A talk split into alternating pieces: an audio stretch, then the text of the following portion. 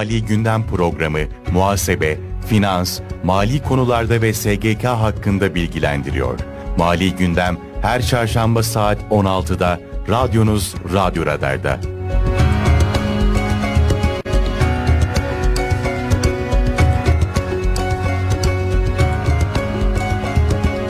Mali Müşavir Fatih Yılmaz'ın hazırlayıp sunduğu Mali Gündem programı başlıyor.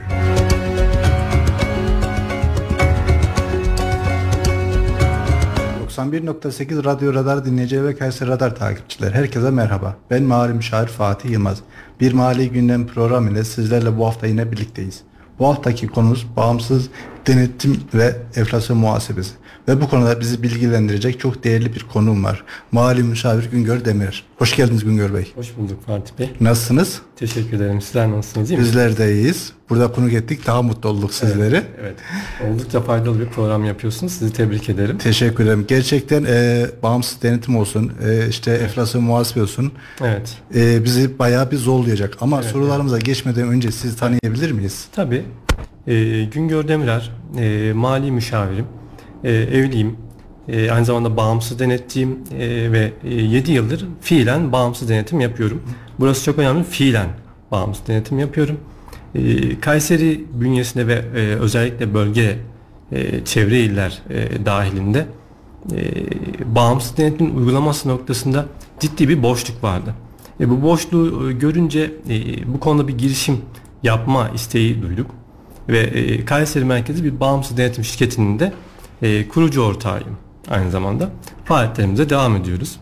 Evet çok güzel gerçekten. Evet, evet. Yani böyle genç meslektaşlarımızın bu şekilde evet. faaliyet göstermede dediğiniz gibi fiilen yapması çok sevindirici evet. bizler için. Evet, evet, evet. Sorularınıza geçmek istiyorum. Ee, Güngör Bey çok dediğim gibi önemli bir konu. Bağımsız evet. denetçi. İşte bağımsız denetçi kimdir? Kime denir? Tabii. Ee, bağımsız denetçi e, bağımsız denetim yapmak üzere e, meslek kanunuzca e, sevme veya yememe e, olarak ruhsatını almış kişiler arasından kurumca yapılan sınavda, e, sınavlarda başarı gösteren kişilerce e, KGK'nın yetkilendirilmesi sonucu e, bağımsız denetçisizliğine e, kaydedilir ve bağımsız denetçi olarak faaliyetlerini sürdürür. Peki bağımsız denetim nedir? Kimler bağımsız denetim yaptırmaları? Gerçekten her geçen gün bu artıyor. Yani işte her yıl bir şeyler evet. güncelleme oluyor. Evet. İşte şu şirketler giriyor, bu şirketler girmiyor. Bir evet. anlatır mısınız? E, tabii ona geçmeden önce şimdi bağımsız denetçi ile ilgili kısa bir şey daha e, tabii söylemek ki. istiyorum. E, bağımsız denetçi olmak için e, iki temel kriterimiz var. Bunlardan biri e, SMM veya YMM olmanız gerekiyor. Yani meslek mensubu olmanız gerekiyor. Diğer husus ise e, kamu gözetimi kurumunca yapılan bir bağımsız denetçilik sınavı var. Bu sınavlarda başarılı olmanız neticesinde kurum sizi yetkilendiriyor. E, bağımsız denetçi olarak yetkilendiriyor ve bağımsız denetim yapmanıza müsaade ediyor. E, onun devam niteliğinde olsun bu. E, hemen e, Peki opus e, bir parantez açayım. Peki e, kaç tane ders var? İşte kaç puan almak gerekiyor? Tabii, tabii hemen bahsedeyim.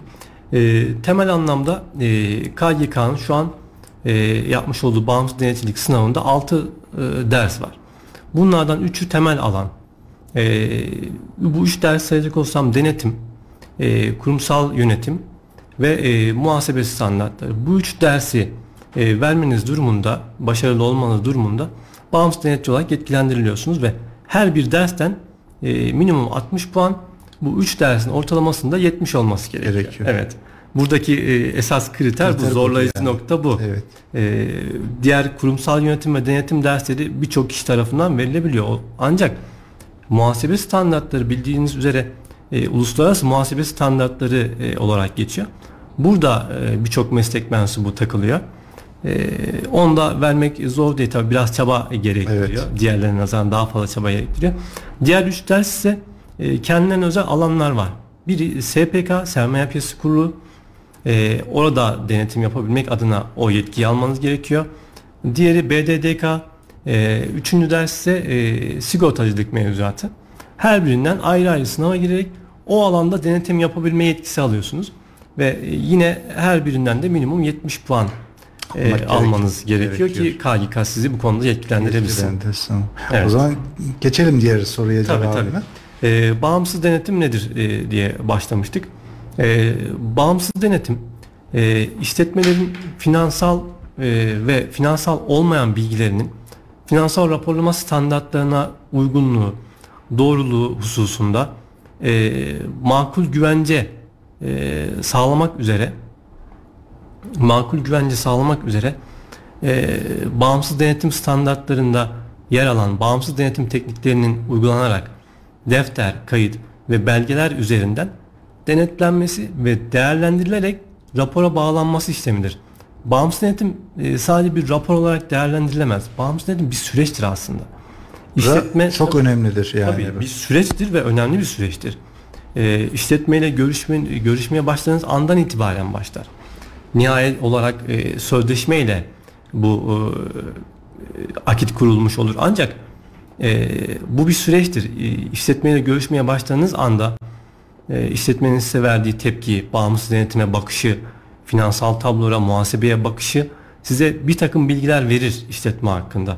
Öte yandan işletmenin e, piyasadaki e, itibarı, işletme size geldiği anda evet. işletmenin bir piyasadaki itibarını sorgulamanız gerekir. E, piyasada olumsuz bir itibara sahip olan bir işletmeyi zaten kabul etmek bile e, son derece yanlış. Tabii ki yani. E, çünkü bakıyoruz buradan Derviş hocamın kulaklar için nasıl evet, bize evet, destede evet, anlatırlar. E, işte e, firmalar bazen soruyorlar işte benim şeyim e, nasıl işte karım şu kadar bu e, yani bir bilançoyu bir aktifi bir pasifi bir evet. öz kaynağı görmeden kesinlikle yorum yapılamaz. Tabii tabii yapılamaz. E, zira bağımsız denetimin içerisinde analiz olmazsa olmazdır. E, bağımsız denetim raporları biliyorsunuz karşılaştırmalı olarak sunulur. E, karşılaştırılabilirlik e, finansal tablo kullanıcılarının karar vermelerinde önemli bir husustur. Karşılaştırabilir olmayan bir rapor e, net kararlar verilmesine engeldir. Bugün enflasyon e, ortamında e, finansal tablolar karşılaştırabilirliğini yitirmiştir. Evet. Bu sebeple ve bu ve benzeri sebeplerle bugün enflasyon muhasebesi uygulaması noktasına geldik. Peki kimler bağımsız denetim yaptırmalı? Yani her şirket yaptırabilir mi? Her kurum yaptırabilir mi? Bunun kriterleri var mıdır? Evet. Ee, aslında ihtiyari olarak her şirket yaptırabilir. Öncelikle bunu söyleyelim. Ee, fakat e, burada e, Bakanlar Kurulu tarafından belirlenmiş belli kriterler var. Bu kriterleri de e, ikiye ayırmak gerekiyor. Zira 2023 hesap dönemi ve takip eden yıllar için hatler değişti. Evet. 2023 öncesi hatlerden bahsedeyim. E, aktif toplamı e, 35 milyon, net satış hasılası 70 milyon, çalışan sayısı 175 olan işletmeler arasında bu şartlardan en az ikisini ard arda 2 yıl sağlayan işletmeler takip eden hesap döneminden itibaren bağımsız denetime tabidirler. Burası çok önemli. Te- tekrar ederseniz güzel tabii, olur yani tabii. firmalarımız ee, için hem meslektaşlarımız tabii. için. Evet 2023 hesap dönemi öncesi için bu kriterler geçerli. Evet. Bunu söylüyorum. Ee, aktif toplamımız 35 milyon. Ee, net satış hasılatımız 70 milyon. Çalışan sayımız 175 kişi. Bu şartlardan en az ikisini ard arda 2 yıl sağlayan işletmeler takip eden hesap döneminden itibaren bağımsız denetim yaptırmak zorundadırlar. 2023 yani 1-1-2023'te başlayan hesap döneminden itibaren ise bu hatlar şu şekilde değişti. Ee, Bunlar nelerdir? Tabii aktif toplamımız 35 milyondan 75 milyona çıktı. Ee, net satış hasılatımız 70 milyondan 150 milyona çıktı. Çalışan sayımız ise 175'ten e, 150 kişiye e, indirildi. Yine bu şartları en az iki tanesini ard arda 2 yıl sağlayan e, işletmeler takip eden hesap döneminde bağımsız denetim yaptırmak zorundadırlar. Ancak buradaki zorundadır kelimesini e, şöyle bir e, açıklama getireyim. Buradaki zorunluluğu işletmeler bir kanuni dayatma olarak görmemelidirler. Evet. Şimdi bu belirttiğimiz hadler ciddi rakamlar. Bu rakamları gören işletmeler e, zaman itibariyle kontrol gücünü kaybedecektir. Biliyorsun işletmelerde evet iç kontrol oldukça önemlidir. E, fakat 150 milyon satış hasılatı buradaki minimum rakamlar. Bugün 500 milyon hasılatı olan veya 500 kişi çalışan olan bir işletmenin e, yekpare olarak kontrol gücünü sağlaması mümkün değil. Kesinlikle. Dışarıdan bir kişinin e, işletmeyi denetlemesi, dışarıdan birilerinin birileri tarafından gözetlendiğini bilmek, denetlendiğini bilmek hem işletme yönetiminin alacağı kararlarda hem de içeride e, muhasebe birimi, finans birimi veya üretim birimi olsun. Bunların olası hileye yatkınlıklarını önleyecektir. Yani objektif bakacaktır dışarıdan. Kesinlikle. Ne kadar da biz o firmanın iç yapısını bilsek de dinamiklerini bilsek de belki duygusal yaklaşacaktık. Tabii. Çünkü özellikle Kayseri'deki biliyoruz firmalar, sanayi firmaları, evet. aile şirketleri aile maalesef. şirketleri, maalesef aile şirketleri. Yani buradaki maalesef yani aile şirketleri olması anlamında söylemiyoruz. Değil, karar yönünden. Karar, yönetim anlamında bir maalesef var. Ee, zira e, bu tür bağımsız denetim olsun, yeni oluşumlara işte yapay zeka e, geliyor biliyorsunuz. Evet. E, buna e, çok olumlu yaklaşmıyorlar. Olumlu yaklaşmamayınca e, ilk kuşakla devam eden kuşak arasında çatışma oluyor. Mutlaka. E, ayrışmalar meydana geliyor, şirket bölünmeleri meydana geliyor. Bölünen şirketler belki aynı e, verimi, aynı randımanı sağlayamıyorlar ve e, maalesef işletmeler e, yok olup gidiyor. Yani dediğiniz gibi eğer dışarıdan e, bu denetim şirketleri olursa kontrol evet. ederse evet. daha objektif olarak Hı-hı. karar verilir. Evet, evet. Firmaları iyi yönde yönlendirebilirler. Evet, evet. Yoksa aynen iç yönde dinamik edebilir ama bazen duygusal kararlar verebiliriz. Evet, o evet. da firmalarımızın tehlikeli bir yola evet. gitmesine yol açar. Evet. Öte yandan şöyle bir şey var. Ee, firmaların iç kontrol birimleri e, yönetime bağlıdır. Her ne kadar bir firmanın iş denetçisi olsa da içeride çok sağlam donanımlı bir mali müşavir olsa dahi yönetimin talimatlarını uygulamak durumunda. Evet. Oysa bağımsız denetçi yönetimin talimatlarını asla uymaz. Böyle bir talimat veremez yönetim. Veremez tabii ki. Verdiği durumda işte e, bağımsız denetçiyle arasında bir sözleşme var ise e, derhal feshetmek zorunda. Çünkü bağımsızlık zedelenmiş oluyor ve senin iş alanına müdahale ediyor e, iş alanına müdahale ediyor. Ya sözleşmeyi feshedeceksiniz. Evet. Ya da e, işletme için e, olumsuz yani olumlu görüş dışında bir görüş vermeniz gerekir. Aksi halde sizin e, bağımsızlığınız zedelenir. E, bu durumda sizin mesleki kalitenizi, mesleki itibarınızı e, neredeyse bitirir. Bitirir maalesef. Evet, evet. İşte enflasyon muhasebesi dedik. Ee, en son 2004 yılında uygulanmıştı. Uyguladım evet. o dönemde. Evet, evet. Ee, bayağı bir yıl geçti maalesef. Evet. İşte bu tekrardan 2021 yılında hı hı hı. gündeme geldi bu enflasyon muhasebesi. Ama bir uzatma geldi. İşte hı hı. E, bu 2023 için uygulayacağız. Evet. 2021 yılında neden ertelendi?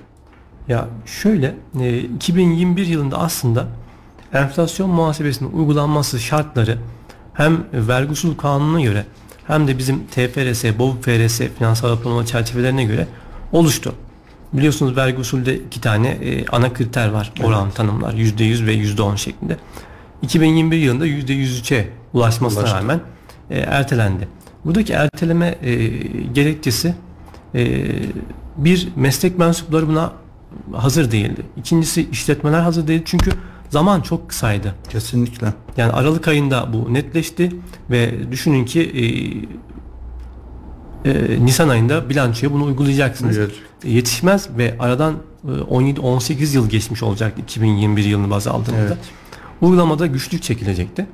E, Gelir Dairesi Başkanlığı yayınladığı bir tebliğ ile Kamu Gözetimi Kurumu ise yapmış olduğu yazılı bir açıklamayla bunun ertelendiğini duyurdular. E, ertelenmesi tabi bir yerden iyi oldu bir yandan olmadı. O günkü iş yükümüzü bugün artmış olduk. E, bugün çok mu hazırız o da tabii e, tartışılır. Tabii ki muamma. Hem işletmeler e, çok e, bu konuya hazır değil. Vergi yükünden kurtulacaklarını düşünüyorlardı. Evet elimde... Oysa işin öyle olmadığı sonradan anlaşıldı. Sonradan anlaşıldı maalesef. Evet evet. Yoksa işte tamam benim malım 1 liraya almıştım evet. şimdi o mal 10 lira oldu. Ama hala kayıtlarında 1 lira oldu diyorlar. Hı. Ama biz bunu güncellediğimizde 2024 için bir vergi yükü doğacak. Evet, e, işletme öz kaynak yapısına e, burada bakmak lazım tabii ki. Öz kaynak yapısı güçlü ise orada e, çok fazla bir vergi yükünden bahsedemeyiz. Evet. Durağan, durağan stokları varsa, işte amortismanı tükenmiş e, iktisadi kıymetleri varsa farklı farklı kriterler var. Tabii orada. belki e, firma zarar etmek istemeyecektir. Vergi arasında matrası yazmasını istemeyecektir. Tabii Belki ki. öz kaynak güçlü olursa, pasif taraf güçlü olursa bu sefer zarar ortaya çıkacaktır. Tabii. Bu da tehlike firmalar için. Tabii dediğiniz gibi e, işletme ben kar edeyim isteyecek çünkü e, işletmeler kredi kullanıyor. Tabii ki. İşletmeler kredi kullanıyorlar. İşletmeler ortak almak istiyor. Bakın ortak bir yatırımcı geldiği zaman e, orada e, zarar oluşmuş bir tabloyu görmesi demek. Oraya yatırım yapmaması gerektiğini düşündürecektir ona. Veya banka finansal tabloya baktığında orada bir zarar görecektir. Siz onun bu e, enflasyonun oluştuğu dediğiniz zaman bankacı buna bakmaz. Tabii Bankacı sizin oradaki net karınıza bakar. bakacak. Net işletme sermayenizi değerlendirir. Yani o verilere girdiğinde o verilerin altında Evet. kalıyorsa maalesef diyecek ki size kredi çıkmıyor diyecek. İşletmelerin kredi e, kullanamaması demek, işte e, yatırımların ertelemesi demek, e, üretimi daraltması demek, e, gerektiğinde istihdamı azaltması demek. Birçok unsur sıralayabiliriz. Yani gerçekten bazı işte 2023'ü e, vergi yükü çıkmayacak. hı. İki tane e, bilanço düzenleyeceğiz. Bunu 2024'te de yaparsak belki 2023'e bakar 2024'te de bunu uygularsak vergisiz olarak belki e, firmalar Aa, benim bilançom enflasyonlu bilanço enflasyonsuz Evet. bilanço bu deyip Evet. 2025'e daha tedbirli girebilirlerdir. Evet, evet. Belki bu uygulama e, çıkarabilir işte belki e, bunu 2024 içinde vergisiz olarak uygulanabilir mi?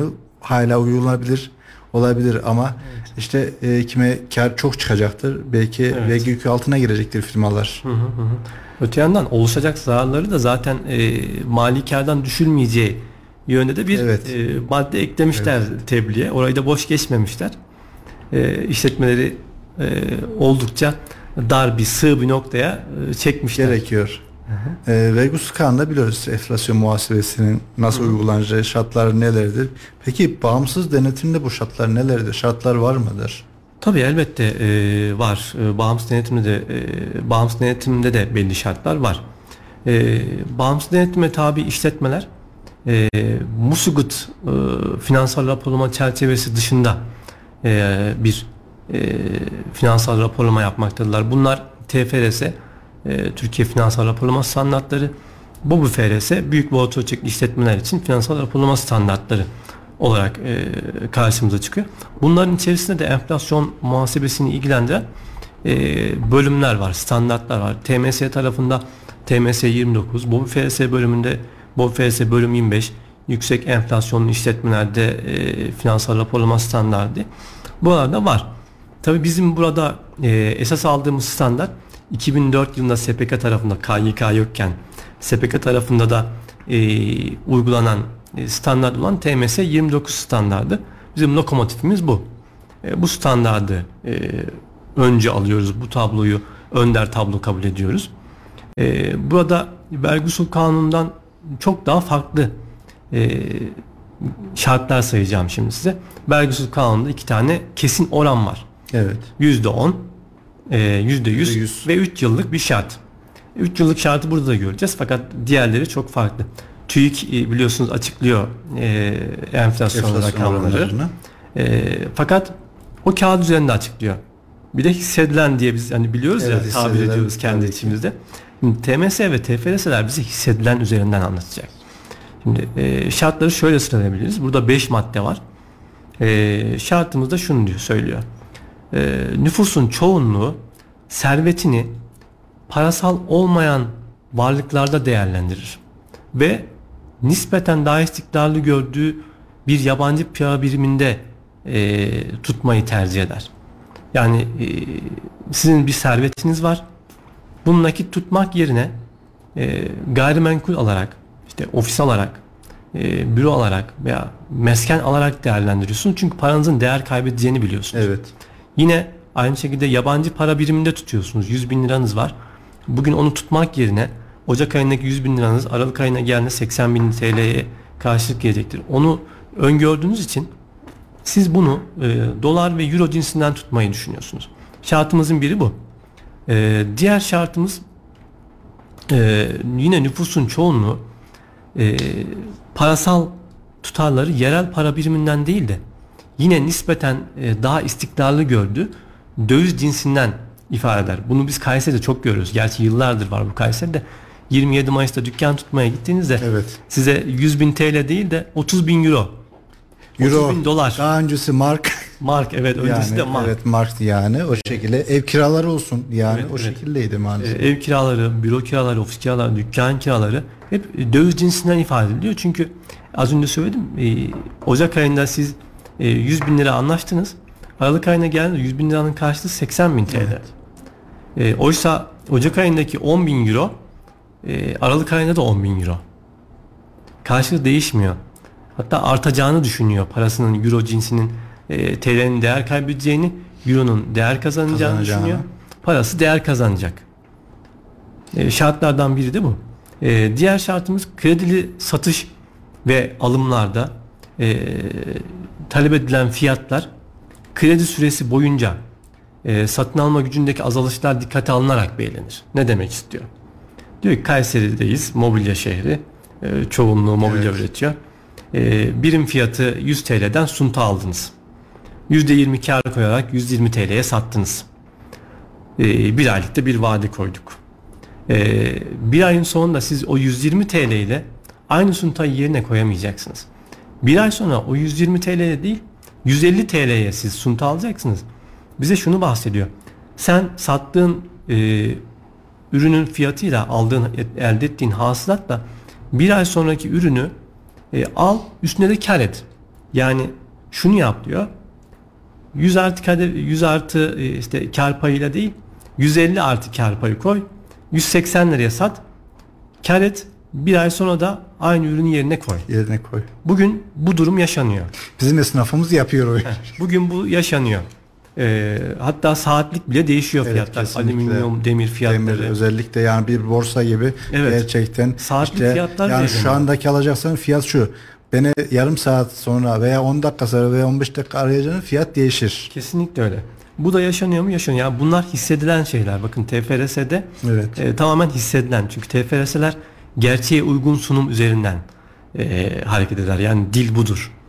E, diğer e, madde ise faiz oranları, ücretler ve fiyatlar bir fiyat endeksine bağlıdır diyor. E, fiyat endeksini bizim ülkemizde TÜİK belirliyor. Az önce Evet. konuştuk. E, faiz oranları da e, ona göre belirleniyor. Ücretler işte memur ücretleri, emekli ücretleri, hatta işçi ücretleri bu enflasyon, Enflasyon oranına göre. oranına göre o TÜİK'in belirlediği endekse göre belirleniyor. Bu şartımızı da sağladık. E, diğer şartımız nispeten e, vergi usulüyle benzeşiyor. Bu şartımız da şu. E, son 3 yıllık kümülatif enflasyon oranının e, %100'e yaklaşması ya da aşması. Bakın kesin bir ifade kullanmıyor. Kullanılıyor. %100'e yaklaşması ya da aşması. aşması. E, bizim vergi usulde %100 kesin. Evet. %10 %10. kesin. Bir tek 3 yıllık şartımız burada tutuyor. %100 de katabiliriz. E, bu şartların tamamını baktığımızda bugün hepsini hissediyoruz. TMS'lerde, işletmeler de e, bunu hissediyor. Biz e, nihayet tüketiciler de bunu hissediyoruz. E, dolayısıyla vergi usulden tamamen farklı bir Farklı bir e, yorum. Evet, e, yorum getiriyor. Uygulamada da farklılık e, var. Birazdan ondan da bahsedeceğiz. E, VUK'da farklı endeks kullanacak, TFRS'de farklı endeks kullanılacak. E, denetçiler hangisini denetleyecek, hangisini tabloya alacaklar. E, bunlar da farklı farklı. Farklı. Evet, e, uygulamada karşımıza çıkacak. Sana. İsterseniz bir reklam arası verelim. Sizi de soluklandıralım. Tabii. Yani takipçilerimiz de bu arada soru sorarsa onları da alırız. Tabii. E, reklamlardan sonra devam ederiz. Peki. Evet 91.8 Radyo Radar dinle- dinleyicileri kısa aradan sonra tekrar buradayız. Yayın tekrarı.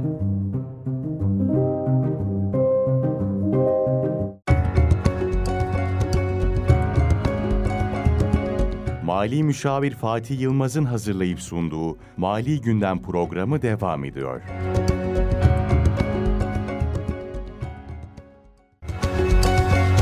Evet 91.8 Radyo Radar dinleyicileri kaldığımız yerden devam ediyoruz. Evet bir çerçeve çizdik Güngör Bey. Evet, evet. Ee, ve işte hangi finansal tablolara ve hangi yıllara bu enflasyon uygulayacağız bunları biz? Burada e, vergi usul kanunundan ayrıştığımız bir nokta daha e, önemli bir nokta. E, zira vergi usul kanunu e, çıkan tebliğde 555 sayılı tebliğde bizden sadece 31-12-2023 tarihli e, bilançoya enflasyon muhasebesini düzeltmesini e, yapmamızı talep ediyor. Hatta orada e, iki tablo çıkacak. Enflasyon düzeltmesi öncesi ve düzeltme sonrası tablo. Şimdi yeni bir tablo ekleyelim yanına. e, bağımsız denetime tabi olup TFRS veya BOBFRS kullanan işletmeler e, bir tablo daha çıkaracaklar. TFRS'ye göre bir tablo. Vergi usulüne göre e, uyguladık, düzeltme yaptık, bir bilanço oluşturduk. E, düzeltme öncesi bir tablomuz vardı. Öte yandan bağımsız denetime tabiyseniz bir de TFRS'ye göre bir tablo oluşturduk. Üç aşamalı bir tablomuz oldu. Oluştu. Evet. E, vergi usulü de sadece 2023 yılı dedik. E, TFRS veya BOBFRS uygulanan işletmelerde 2021, 22 ve 2023 yıllarına ait finansal tabloları e, enflasyon düzeltmesine tabi. Evet şimdi diyeceksiniz ki e, 2021 saydınız e, o zaman niye yapmadınız? Evet. E, yapmadık çünkü Gelir Dairesi Başkanlığı ve Kamu Gözetimi Kurumu bunun ertelenmesi yönünde e, bir e, bildirimde bulundu. E, Gelir Dairesi tebliğiyle işte KYK yazılı açıklamayla bunu yaptı. İhtiyari olarak yapılabilir miydi? Evet yapılabilirdi. Ne işletmeler e, buna yanaştı ne de bağımsız denetçiler ve mali müşavirler e, bunu yapmak istemediler. O günkü iş yüklerini bugüne e, ertelediler. Erteledi. Yani Evet. biz hep maalesef hep ertelemeyle Evet, evet. yani erteliyor erteliyor erteliyor sonra işte kapıya gelince her şey ondan sonra acaba ne yapacağız? Evet. Gerçekten bunu yıllara, aylara yayabilseydik, her Evet. şeyi oturtturabilseydik hem uygulama yönünden bizim için meslektaşlar için daha iyi olurdu. Hem firmalarımız için işte reklamdan önce bahsettik yani. Evet. Adam e, gerçekten zarar etmek istemiyor. O vergiler aslında matras görülmesini istemiyor. Zarar çıkacaktır. Evet. Veya aşırı derecede hiç kazanmadığı vergi çıkacaktır. Kesinlikle. Onu ödemek zorunda kalacaktır. Kesinlikle. Gerçekten bunu zamana yayabilseydik, otturabilseydik daha sağlıklı olacaktı. Kesinlikle. Kesinlikle. Öte yandan biz TFRS'de e, hem finansal durum tablosunu yapacağız. Biliyorsunuz vergi usulde çıkan tebliğde Evet. gelir tablosu e, uygulama dışı bırakıldı. Ancak TFRS'de ve BOBFRS'de gelir tablosu yani oradaki adıyla kar zarar tablosu da e, düzeltmeye tabi. 2022 ve 2023 yılları düzeltmeye tabi olacak. Sebebi de şu. E, programın başında bahsettik. E, bağımsız denetim raporları e, karşılaştırmalı olarak sunulur. Karşılaştırmaya imkan vermeli bir finansal tablo. Karşılaştırma imkanı olmayan bir finansal tablonun bağımsız denetimden e, geçmesi e, çok önem arz ediyor. E, şöyle anlatayım. E, 2022 yılında e, enflasyon düzeltmesi yok. 2023'e uyguladık E, ve tablolarımız bağımsız denetimden geçti. Bir tarafta 100 milyon e, varlığım görünecek. Diğer tarafa bakıyorum 300 milyon varlığım görünecek. Karşılaştırmaya imkan yok. E, belli oranlarda artış olabilir. Bu çok makul. Ancak e, karşılaştırmaya imkan tanıması için bu enflasyon düzeltmesinin uygulanması gerekir. Bunu biz hasılat tarafına da e, uygulamalıyız. Hasılatlara, maliyetlere, gider kalemlerine e, belli bir genel endeks belirleyerek e, karşılaştırma imkan tanıyacak şekilde düzeltme yapmak durumundayız. Öte yandan e, vergi usul tarafında olmayan öz kaynak değişim tablosu, nakit akışı tablosu bunlar da düzeltmeye tabiler. Yani bağımsız denetim, bağımsız denetçilerin ve denetime tabi işletmelerin iş yükü eğer ihtiyari olarak geçen yıllarda yapmadılarsa bu yıl hakikaten çok zor. Maalesef. Evet ve uygulama noktasında e, ciddi boşluklar var. Bu e, neden boşluklar var? Hani çoğu kişi bağımsız denetçi ancak TFRS'den e, ve BOBFRS'den çok e, haberdar değil. E, haberdar olmaması e, işletmeleri zor durumda bırakacak. İşletmelerin e, kendilerini denetleyen firmalara, iş- e, bağımsız denetim kuruluşlarına e, burada ciddi anlamda sorular sormaları gerekiyor. Siz vergi usulünden farklı olarak ne yapacaksınız? Neden yapacaksınız? Bakın benim e, finansal finans kurumları karşısındaki durumum ne olacak? Ben hani söyledik ya 3 Evet. tablo olacak diye. VUK'a göre düzeltilmiş tablo, e, VUK'a göre düzeltilmemiş tablo ve e, TFRS'ye göre düzeltilmiş tablo. Bir de önceki yıllarda düzeltilmemiş tablolar var. E, bankalar bu tabloların tamamına bakacaklar. Finans kurumları. Bir de sizin borsaya tabi olduğunuzu düşünün. Evet. E, Çok ortaklı işletme. E, yatırımcılar var. E, karşısında bir SPK var, Sermaye Piyasası Kurulu ki e, ciddi müeyyideleri olan bir kurumdur.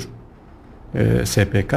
Bu anlamda e, TFRS tarafındaki enflasyon düzeltmesinde işletmelerin e, ciddi anlamda peşine düşmesi gerekiyor. Mutlaka. Ve e, denetçilerin olsun, e, mali müşavirlerin olsun TFRS uygulaması noktasında e, çok çok daha e, özverili ve dikkatli çalışmaları, Çalışmaları gerekiyor. gerekiyor. Zira e, 2021, 2022 ve 2023 yılları e, birikimli olarak e, aşamalı bir şekilde çalışılarak e, tabloların oluşturulması ve e, sunuma hazır hale getirilmesi gerekir. Onları yapmak gerekir. Evet. Peki Gönül Bey e, bu finansal tabloları enflasyon muhasebesi uygulamasak ne olur? Zorunda mıyız? Şöyle e, gerek vergi usul kanunumuz olsun e, gerek burada e, TFRS olsun bu konuyu bu hususu e, işletmelerin seçimlik hakkına bırakmıyor. E, işletmeler bunu yapmak zorundalar. Burada netiz. Yani yapmama gibi bir durumları söz konusu yok değil. yani. Evet. Yapmaya da bilirler. Müeyyidesine katlanıyorsanız Katlanabiliyorsa Evet. KGK tarafında ayrı, SPK tarafında ayrı, ayrı. e, maliye tarafında ayrı olmak üzere e, buradaki e, müeyyideye katlanıyorsanız e, onu bilemem. Ancak e, bir seçimlik hakkı tanımıyor. Hem standartlar hem vergi usul kanunumuz bir seçimlik hakkı tanımıyor. Öte yandan yapmazsak şöyle bir şey olur. Programın başından beri bahsediyoruz. Karşılaştırmaya imkan vermez. Evet. Evet. Enflasyon muhasebesi uygulanmazsa işletmeler aktif yapısını koruyamaz. Aktif yapısını koruyamayan firmalar e, maliyet artışlarına engel olamazlar. E, ve e, belirsiz bir ortamda, belirsiz bir, bir piyasada e, reel faiz oranlarının altında ezilirler. Ağır faiz yüküne maruz kalırlar. E, ağır, e, bu artan faizler karşısında yatırımlar durur. E, üretim daralır daralan üretim e, yeniden bir enflasyona sebebiyet olur. E, istihdam azalır. Her biri birbiriyle bağlantılı. E, enflasyon muhasebe uygulanması geç oldu. E, ancak gerekli bir uygulamaydı. E, uygulanmazsa karşılaştırabilirlik e, azalır, şeffaflık e, olmaz. Olmaz E, maalesef. karar vermekte e, büyük zorluklar çıkar. Finansal sıkıntılar yaşanabilir. Varlıklarımız e, kağıt üzerinde dahi olsa bakın kağıt üzerinde dahi olsa e, bir e, kayba uğrar. E, öte yandan hal böyle olunca işletmeler e, finansal tablolarını e, reel ekonomik gerçeklikten uzaklaşır. Reel ekonomik gerçeklikten uzaklaşmış finansal tablolar e, karşılaştırabilirliğe imkan vermez. Ve bu gerçeklikten uzaklaşan finansal tabloların bağımsız denetim mümkün değildir. Bu da bağımsız denetin e, az önce bahsettik. E, bakacak e, bir tarafta 100 milyon varlık. E, bu yıl olmuş 200 milyon, 300 milyon varlık. Bunun sebebini sorduğunda enflasyon muhasebesi, enflasyon düzeltmesi. Eğer yapılmazsa yani 2022'de e, TFRS tarafından yapılmazsa e, önemli bir e, karar mekanizmasında boşluk oluşacak.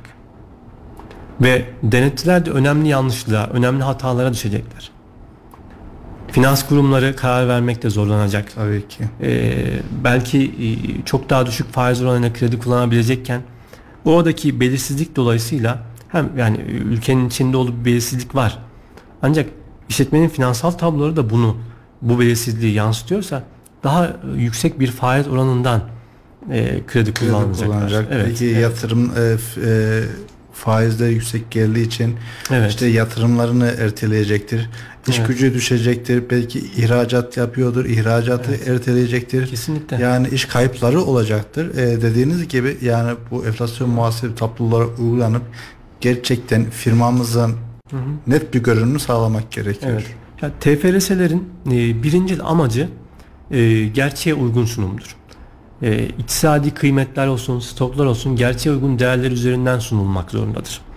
Ve e, yine birinci amaçları arasında sayılabilecek e, ortak dilin kullanılmasıdır. E, biz TFRS'leri ülkemizde neden kullanıyoruz?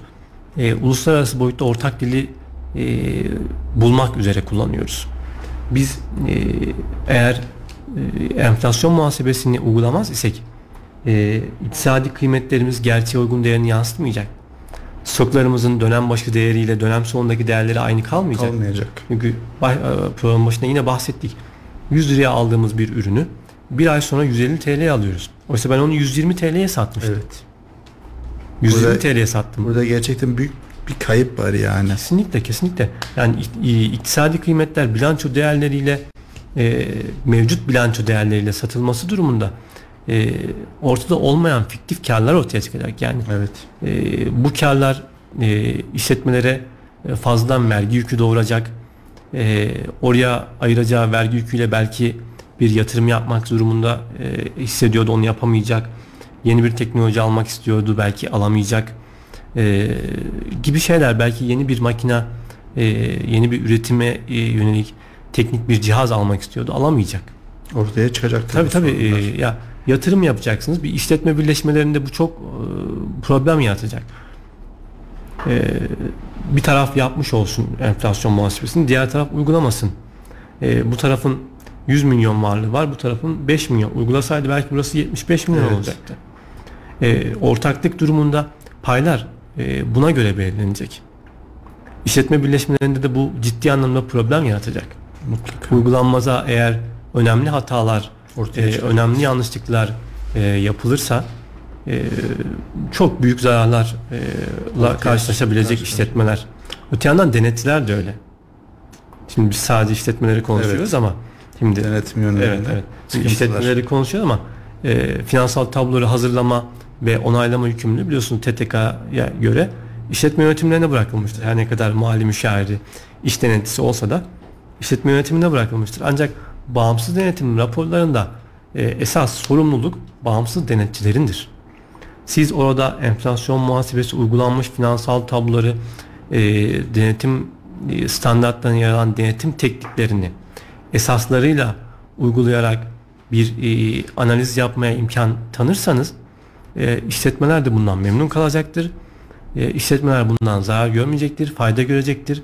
E, finans kurumları e, aldıkları, eline aldıkları raporları anlaşılabilir bir şekilde okuyabileceklerdir. E, gibi gibi durumlar. ortaya çıkacak. Evet, evet. Programımızın sonuna doğru da yaklaşıyoruz. Ee, bir son sorumuz olarak e, vergi usul kanuna göre endeks nasıl olacaktır? İşte TFRS'ye göre endeks nasıl olacaktır? Evet. E, Burada da ayrışıyoruz. E, vergi usul kanunuyla TFRS olarak burada da ayrışıyoruz. Biz uygulayıcılar olarak ayrışıyoruz. Vergi usul kanununda üretici fiyat endeksi e, kullanılacak. E, TFRS tarafında ise TÜFE kullanılacak. Tüketici fiyat endeksi kullanılacak. Burada da ciddi bir karmaşa var aslında. E, işletmeler e, batıya giderken e, TFRS uygulayan işletmeler e, doğuya gidecekler. Çünkü birbirinden tamamen bağımsız. Bağımsız olarak. E, üfedeki fiyat endeksi 3000'lerde, e, TÜFE'deki fiyat endeksi 1800'lerde. Önemli bir çatışma var Evet. burada. Ama biz e, TÜFE uygulayacağız TFRS'de. TFRS'de. Evet TFRS'de biz TÜFE uygulayacağız. Öte yandan e, işletmeler de hem bize üfeyi soruyorlar, e, eline alacaklar üfe uygulanmış bir finansal tablo, bağımsız denetim raporunu eline alacak, e, TÜFE uygulanmış bir Uygulamaz. e, rapor görecekler. E, bankalar, finansal kurumlar özellikle e, raporların esas önemli kullanıcılarından biridir finans kuruluşları. E, onlar hangisine göre karar verecekler? E, VUK'a göre mi? Düzeltilmiş olana göre mi? TFRS'ye göre, Göre mi? mi? E, Kararlar. hangisine göre karar verecekler? İşletmeler en yüksek olana göre karar verilmesini ister. Mutlaka. Mutlaka. E, oysa bankalar kendi işlerine gelen hangisi ise Ona göre e, karar, e, karar verecek. ona göre karar vereceklerdir. Gerçekten ortada, ortada bir çatışma olacaktır. Müthiş bir çatışma olacak. E, bu çatışmanın altından e, olabildiğince az e, zararla Zararlar çıkabilirsek. e, çıkabilirsek ne mutlu bize. Evet. Çok teşekkür ederiz. Ben Güngör teşekkür Verdiğiniz gerçekten kıymetli bilgilerdi. Ee, hem firmalarımız için olsun hem meslektaşlarımız olsun. Evet. Gerçekten e, bağımsız denetimin gün geçtikçe yayılıyor. Evet, geleceğimizin önemli bir mesleği. Mutlaka. Bir, bir unvan gibi değerlendiriliyor ancak bağımsız denetim bir unvan değil. Mali müşavirlik gibi, yeminli mali müşavirlik gibi bağımsız denetçilik de bunlardan e, çok ayrı olmamak üzere bir meslek. Bağımsız denetçilik bir meslek. Uman olarak değerlendiriliyor. Evet. E, bu e, bir önemli açıklama Tabii, yapmak istedim. tamam. Gelecek dönemde faydalarını göreceğiz. Evet, evet. Ee, varsa son eklemek istediğiniz son sözleri alabiliriz. Ben çok teşekkür ederim e, beni konuk ettiğiniz için. E, çok faydalı bir program yapıyorsunuz gerçekten. Teşekkür ederim. E, öte yandan yine e, şunu bahsetmek istiyorum. E, TFRS ve BOBU-FRS'nin uygulanması noktasında önemli bir boşluk var. E, hakikaten bunu bilen e, uygulayıcı sayısı çok az. Biz bu noktada e, çok ciddi çalışma yapıyoruz. Çok e, yeterli donanıma sahibiz. E, ve e, vergi usulden farklı bir boyutta raporlama çıkacak. Bunu atmamamak gerekiyor. İnşallah. İşletmeleri bu konuda İnşallah. dikkatli olmaya e, İnşallah e, hafta, gelecek haftalarda farklı konularla sizi konuk etmek isteriz. Umarım, bu inşallah. değerli bilgilerden faydalanmak Evet, isteriz. evet, çok memnun olurum. Çok Olsun. teşekkür Evet. ederim. Evet 91.8 Radyo Radar dinleyicileri haftaya farklı konularla konuklarla görüşmek üzere hoşçakalın.